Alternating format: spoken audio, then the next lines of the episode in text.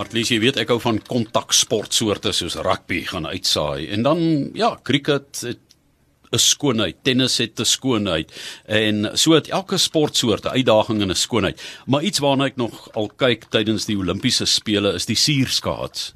Nou lyk dit vir my altyd die vrou met die mooiste rok wen. Nee man, nee man.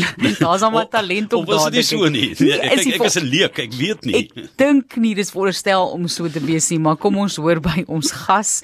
Dis Enzo Dagwano wat met ons gesels voorheen president van die Suid-Afrikaanse Suurskaatsvereniging en hy gaan ons 'n bietjie insig gee in hierdie wêreld van suurskaats. Waar is die bane? Ek onthou ons het nog kon ek kon nog hier gaan skaats iewers in Goodwood ja, ja. maar ek weet nie of dit nog so toeganklik is nie en ook gegeewe ek meen ons sit hier in in fase 4 van 2 uur af met beerkrag nou dink ek net hoeveel elektrisiteit dit ook verg om so iets in die gang te hou. Ja, ek dink aan Pretoria ook was daar een waar die dak ingestort het, was 'n groot storie by die winkelsentrum. So ek onthou dit. Ek ek ek weet nie hoe ek ek hoor jy reageer daar aan die ander kant. uh goeiemiddag Johan en goeiemiddag Martie en die luisteraars. Ja, so ehm um, die die ou Goodwood baan bestaan nou nie meer nie, maar verlies en um, hy is nou vervang met 'n splinter nuwe baan. Wel, hy is nou seker maar oor die 15 jaar oud by die uh Grand West Casino. Goed.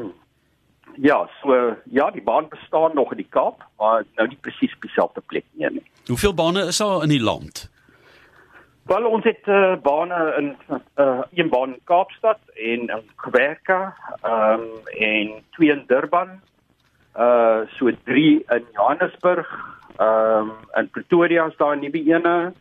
Ehm um, en onlangs het daar bane opgegaan in Nelspruit en ook Kreeusdorp. Ja, dis nogal 'n tegniese ding nê om aan die gang te hou. Ja. Ehm um, jy kan dink die elektrisiteitsverbruik van 'n ijskaatsbaan is skrikkelik. Ehm um, om om daai ys so groot stuk ys van 30 meter by 60 meter gevries te hou.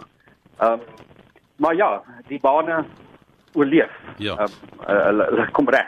Is is daai 30 by 60 meter 'n tipe van 'n standaard baan vir uh, Olimpiese spele? Ja, so in vir seeskaats is die 30 by 60 die die standaard grootte.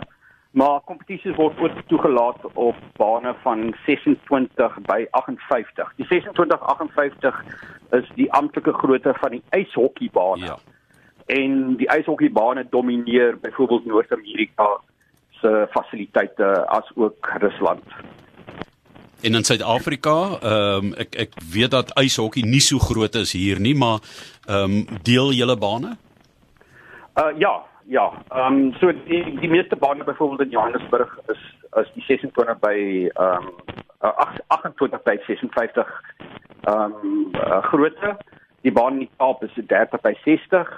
Ehm um, en daar is ehm uh, een kleiner baan in uh Durban ehm um, wat nie standaard grootte is nie. En ek dink die Nelspruit baan is ook 'n bietjie kleiner as die gewone grootte.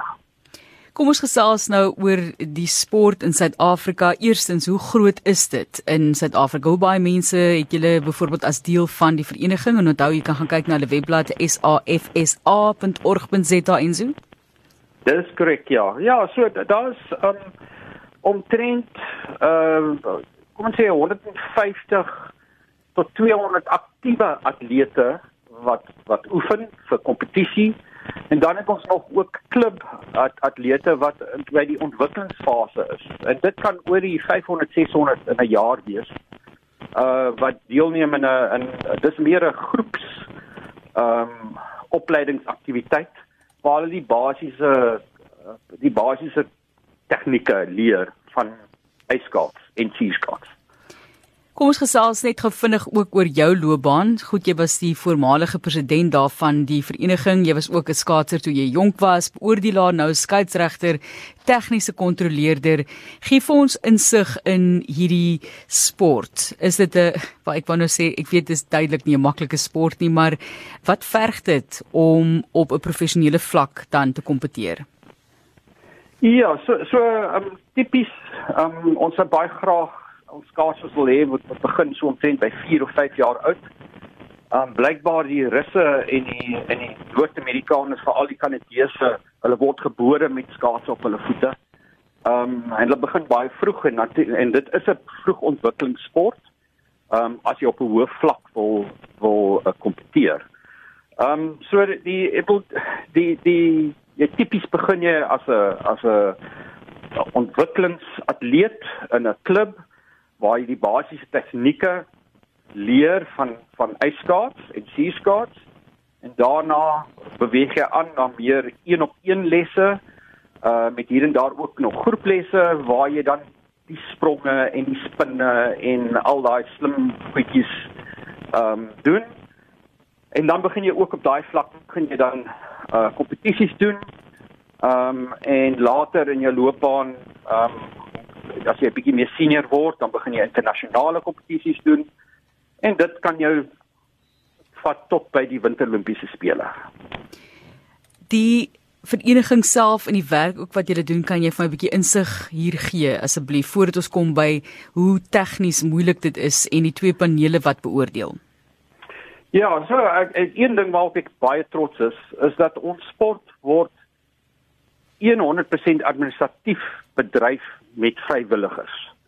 Daar's geen betaalde persoon um administratief uh, in ons vereniging. Ons het 'n wonderlike klomp vrywilligers. Die enigste betaalde persone is die afrigters in ons sport.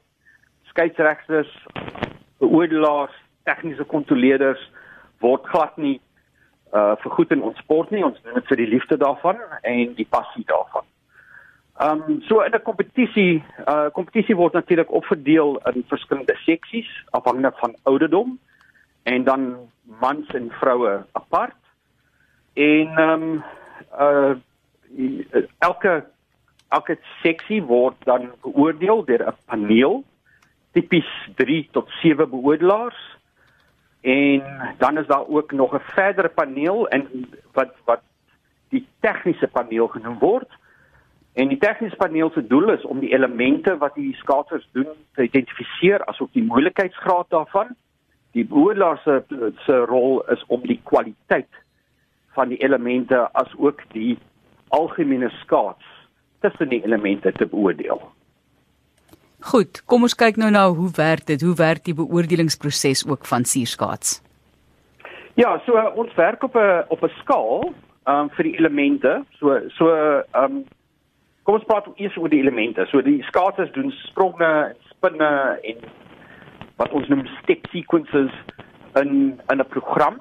So 'n program daar word uiteengesit wat moet hulle doen in 'n program en elke element word individueel geëvalueer op 'n op 'n skaal van -5 tot +5. Ehm um, so uh indien daar foute is, gaan jy natuurlik ehm um, negatiewe um, rating daarop kry. As dit baie goed gedoen word, dan gaan jy by die plus +5 kant wees. So dis die elemente. Die tegniese paneel eers identifiseer die element en die moeilikheidsgraad daarvan en dan sal die beoordelingspaneel ehm um, die die kwaliteit van die element beoordeel. En dit gebeur terwyl die die ehm um, die skaatser nou skaats, die program doen. en dan is daar 'n tweede komponent wat die beoordelaars doen. Ons noem dit die program components. En daar kyk ek kyk hoe die beoordelaars na die kwaliteit van die skaats self, hoe sterk die skaatser skaats en dan is daar ook die transisies. So dis die interessante dinge wat die skaatser doen tussen die elemente. Dan kyk ons ook na hoe die skaatser die, die program uitvoer. Ons noem dit die performance. Dan is daar die koreografie. En dan natuurlik die uitdrukking van daai koreografie. Kom ons kyk gou 'n bietjie ook na talent in Suid-Afrika as jy vir ons insig kan gee en so so is daar name wat vir jou uitstaan, jong mense wat regtig belovend is en mense dink ook natuurlik na die of aan die Olimpiese spele. Ja, so ons het ons het nou op oomblik so drie skaatsers wat gaan probeer kwalifiseer vir die Olimpiese spele. Ehm um, dit dit is 'n kompetisie wat gaan plaasvind in September hierdie jaar.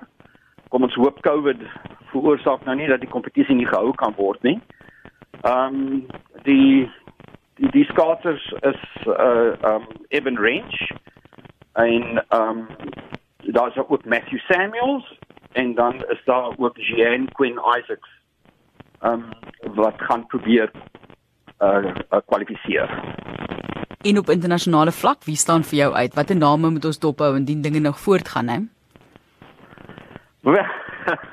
nou moet ek versigtig wees wat ek daar antwoord, maar um, op internasionale vlak is daar, jy weet, op 'n oomblik 'n um, manskaatser wat regtig kop hoop. Ehm um, uh wat is die woord nou? Um, wat nou regtig uitstaan en ja. daar's Nathan Sen en daar's Hanyu Yuzuru Hanyu um van Japan, Nathan van van Amerika by die mans en dan by die dames dis daar Anna ehm um, Skekobaya van Rusland wat regtig uitstaan.